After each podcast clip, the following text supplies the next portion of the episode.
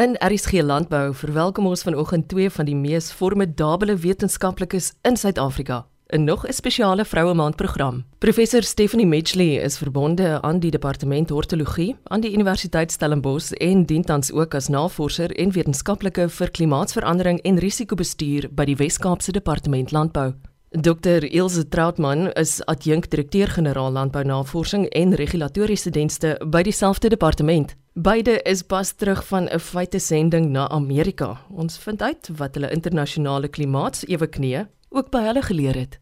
Eloise, goeiemôre en goeiemôre aan die luisteraars. Dit is 'n 'n lekker Saterdagoggend en ons wil graag vir die luisteraars um, 'n um, paar stories vertel wat ons in Kalifornië gevind het. Nou uh, ek moet sê die reis was baie lank maar die geweldige impakvolle eh, vergaderings wat ons gehad het en gesprekke wat ons gehad het rondom klimaatsverandering het regtig die lang reis na Kalifornië en terug goed gemaak. Ek wil sê dat ons 'n klein delegasie van 3 mense was. Ek en Stephanie van die Wes-Kaapse Departement van Landbou en dan ook Karen Shippie ons kollega van die Departement van Omgewingsake en ontwikkelingsbeplanning en ons drie dames lekker vir vroue maand nê Eloise mm -hmm. ons drie dames is toe Kalifornië toe en uh, ons het twee doelwitte gehad om te gaan najag en die een was om die Salinas biologiese simposium te gaan bywoon. En die tweede een was om gesprekke te gaan hou met die experts die kundiges rondom die klimaatsveranderingsomgewing ook insluitende rampbestuur voorspellings en alles rondom klimaatsverandering.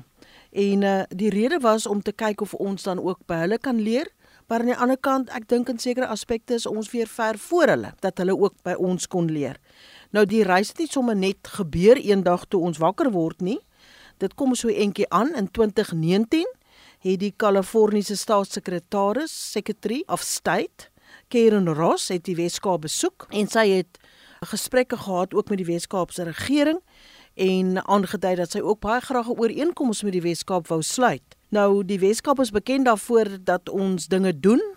Ons praat nie net nie en daarom is daar ook in 2022 Maart 22 nou ongelukkig in 2019 en 22 is 'n entjie verloop maar Covid het vir ons kom kuier en in Maart 2022 sluit die Weskaapse Departement van Landbou en haar departement, die California Department of Food and Agriculture, sluit toe 'n ooreenkoms en is geteken deur staatssekretaris Karen Ross en ons eie minister van landbou, Dr. Ivan Meyer. En toe die papiere geteken is, toe gee dit vir ons natuurlik 'n heerlike platform om te begin gesels.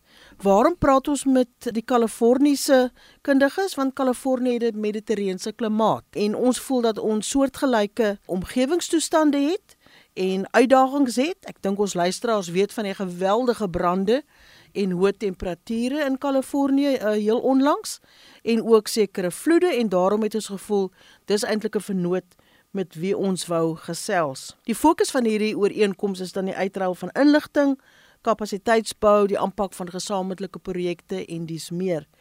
In 2022 na die tekening van die ooreenkoms het minister Meyer na Kalifornië gereis en nog verdere onderhandelings gedoen. Ons het dan opgevolg in 2023 Junie om verder te gaan en hierdie gesprek verder te voer. Stephanie, sê my tog wat was die hoogtepunt van die betrokke reis? One of the big highlights was building on what the memorandum of understanding was between the Department of Food and Agriculture in California and our own Western Cape Department. There's an agreement and a, a great excitement, in fact, on, on all sides, on both parties, to form a Mediterranean working group for climate change and agriculture. And that would be a first. Um, and it would include, first of all, California and the Western Cape, but we could extend that to other Mediterranean countries around the world. And the reason is that we have the same types of climate, we have the same probably future of where the climate is heading to in terms of climate change and the same risks that we're experiencing.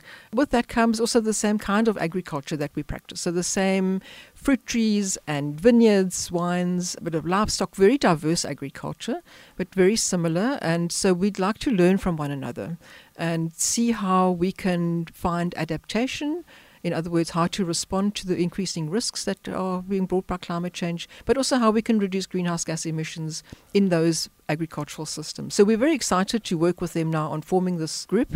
One of the first steps will be to have a meeting with potential partners that will become part of this group at the COP28 meeting that's going to be held in Dubai at the end of the year. People who maybe don't know what COP is, the COP refers to the conference of the parties, and all that means is that it's a get together every year by all countries in the world that have signed the agreement to deal with climate change. And uh, I think people would have heard about COPs in the news by now. But so the next COP will be in Dubai, and we're hoping to use that as a platform to launch this Mediterranean working group. Wat sou jy sê het hulle van ons geleer? It was actually very interesting how they did acknowledge certain areas where we are leading. And I think I think we know that. in the Western Cape, we have done a lot of very good work in certain areas, and we've learned from experiences, for example, from the drought, but also how to become more efficient with fewer resources. So California is grappling with the shrinking water resources, strain on energy resources, and we have been in the midst of that crisis for many years and we have learned to deal with those problems on farms. Farmers are also doing a lot to develop solutions to these issues. And so they were very interested in how we dealt with the water crisis, the day zero drought, for example. We told them how, you know, how it affected us and how farmers coped. We've told them how load shedding is affecting our farmers and, and our households. And they were very interested in hearing about that and couldn't believe, in fact, what we've had to to go through. So there's some areas where they are definitely interested in, in looking towards us for solutions. But the other areas, for example, they have a very up to date legislation on, for example, groundwater resources. And that is something where we're lagging. They're becoming very conscious of not overutilizing their groundwater, using it more sustainably for agriculture. And then other areas are, for example, the healthy soils program that they have. They're very focused on building the soil, using the soil for absorbing carbon from the atmosphere, things that we're also trying in the Western Cape. But I think they've just got a lot of resources for their research and to bring the research through their extension services to farmers on the ground, to show farmers how it's done on the ground and to make progress on not just healthy soils, but also using less hard pesticides and other agrochemicals. So that was a very big focus of the discussions.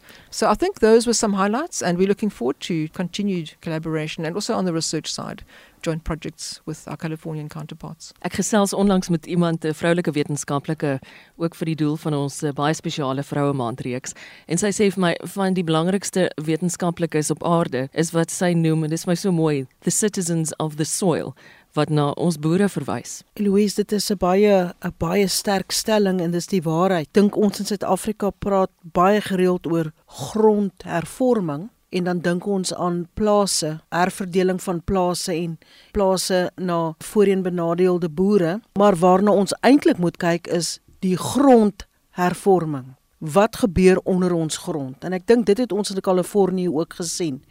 Hoe ons daardie medium waarin ons kos produseer oppas. Ek dink baie keer dink mense dat grond is vervangbaar en grond is nie vervangbaar nie. Ons moet daardie medium waarin ons kos produseer en ons gewasse produseer moet ons so mooi oppas. Dit gaan oor wat ons in die grond insit, besoedeling, besoedelde water, maar ook die grond lewe. Daar's lewe bo die grond en daar's lewe onder die grond en daardie grondlewe moet beskerm word. En ek onthou as kind het ons tog te opgewonde geraak oor 'n ertwurm. En ek moet vir ons luisteraars sê van ons boere wat bewaringslandbou doen, raak nou ewe opgewonde oor ertwurms. Mm -hmm.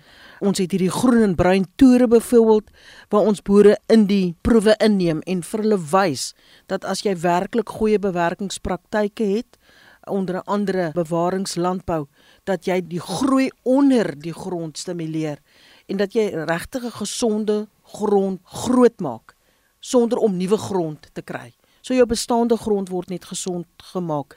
En ons het ook lekker gesprekke in Kalifornië gehad oor wat die Kaliforniese boere doen om hulle grond gesonder te maak. Praktyke wat hulle doen, hulle gebruik byvoorbeeld 'n produk met die naam van biochar wat hulle in hulle gronde sit En ek dink dit is iets baie belangrik, maar ook iets wat in die Weskaap baie gedoen word om werklik ons grond op te pas. En as daardie balans tussen boogronds en ondergronds goed kan wees, dan sal dit vir ons werklik goed wees. Eloise, wat vir ons baie interessant was is die twee dae wat ons deurgebring het by die Salinas biologiese simposium. Nou minister Meyer is genooi en hy kon toe ongelukkig nie gaan nie en ons het toe in sy plek gegaan. Dit was 'n wonderlike voorreg om daar te wees en die opwinding wat ons daar gesien het was nogal aansteeklik. En dit het regtig gegaan oor hoe vervang die Amerikaners veral die boere harde landbouchemie met sagter landbouchemie. En wat ek met sagter bedoel, minder omgewingsonvriendelik, En as ons praat van biologiese produkte dan praat ons nie net van dit wat jy op die plant byvoorbeeld sou spuit nie, maar ons sluit ook in die steriele insektegniek, natuurlike vyande van ons peste. En sekretaris Kern Ross was ook daar gewees en dit was besonder lekker om dit daar te hê. En in haar openingstoespraak het sy ook gesê dat hoe ons kos, hoe ons voedsel produseer en wat ons aan ons verbruikers gee om te eet, is nou meer belangrik as ooit vantevore. Wat sit ons rondom daardie produk neer? Is dit veilig? Is dit gesond? En die hele 2 dae het daaroor gegaan en ook gegaan na wat wil die mark sien en wat wil die verbruiker sien? Dit was geweldige goeie verbruikerstudies wat gedoen is en ook mense se verstaan van biologiese beheer op plaasvlak.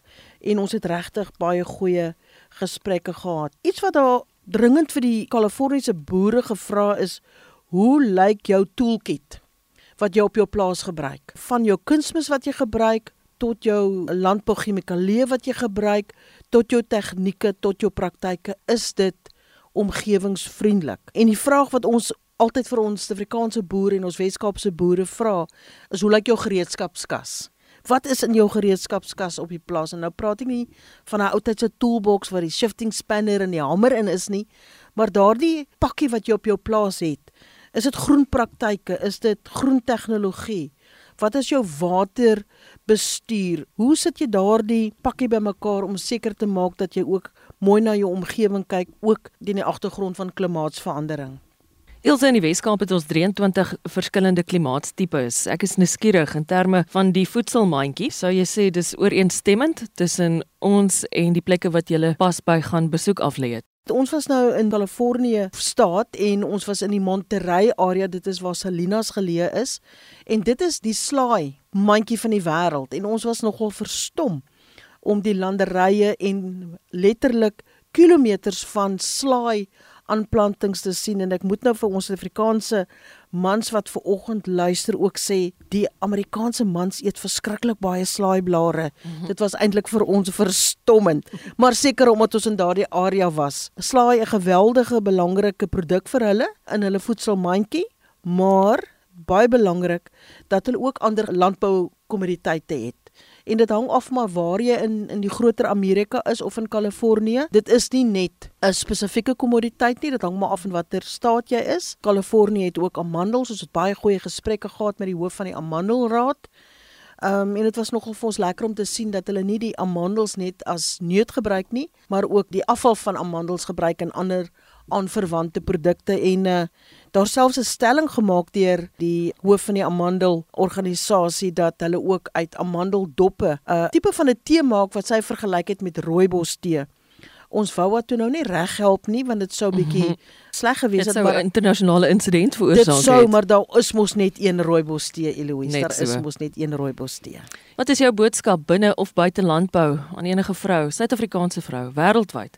Wat ingeskakel is op RSG Landbou vanoggend. Eloise baie dankie. Ek dink is 'n is 'n ongelooflike vraag in vroue maand. Ek dink ons as vroue moet onsself sien as die bewaarders van die voedselmandjie. En wat ek daarmee bedoel is om te sorg dat daardie voedselmandjie wat wel beskikbaar is, wat ons kan bekostig, wat ons huis toe neem, dat dit die beste is wat ons vir ons gesin kan aankoop.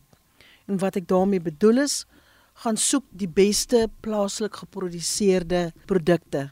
Ondersteun jou boer wat naby is. Bly maar bietjie weg van die ingevoerde vrugte en groente al is dit tog so lekker om iets uit 'n ander land te sien wanneer dit nie in seisoen by ons is nie. Maar maak regtig jou rol as vrou een van versorg landbou op jou manier. jy hoef nie grond te hê en te boer om landbou te ondersteun nie. En jy kan maar jou baba klein groentetuintjie daar agter hê en jou klein klein boerdery praktyk hê, want as jy dan by jou eie huis sien hoe sleg dit is as die muisvoëls jou bessies opeet, dan het jy ook 'n ervaring van waarmee die boer elke dag te doen het. So ek wil tog vir die vroue uitnooi om te sien vroue maand, doen ietsie spesiaals vir landbou, doen ietsie spesiaals ook om jong mense te vertel van landbou en hoe belangrik landbou is en hoe belangrik dit is dat die Suid-Afrikaanse boere ons mandjies propvol hou. Dr Ilse Trautmann is adjunktedirekteur-generaal Landbounavorsing en Regulatoriese Dienste by die Wes-Kaapse Departement Landbou. Professor Stephanie Mitchley dien tans as navorser en wetenskaplike vir klimaatsverandering en risikobestuur by dieselfde departement. Bly gerus op hoogte met al ons vroue maand programme en gaan kuier op www.rsg.co.za. Ek is Eloise Pretorius en ek sien daarna uit om binnekort weer by jou aan te sluit met nog landbou lekkertes. Totsiens.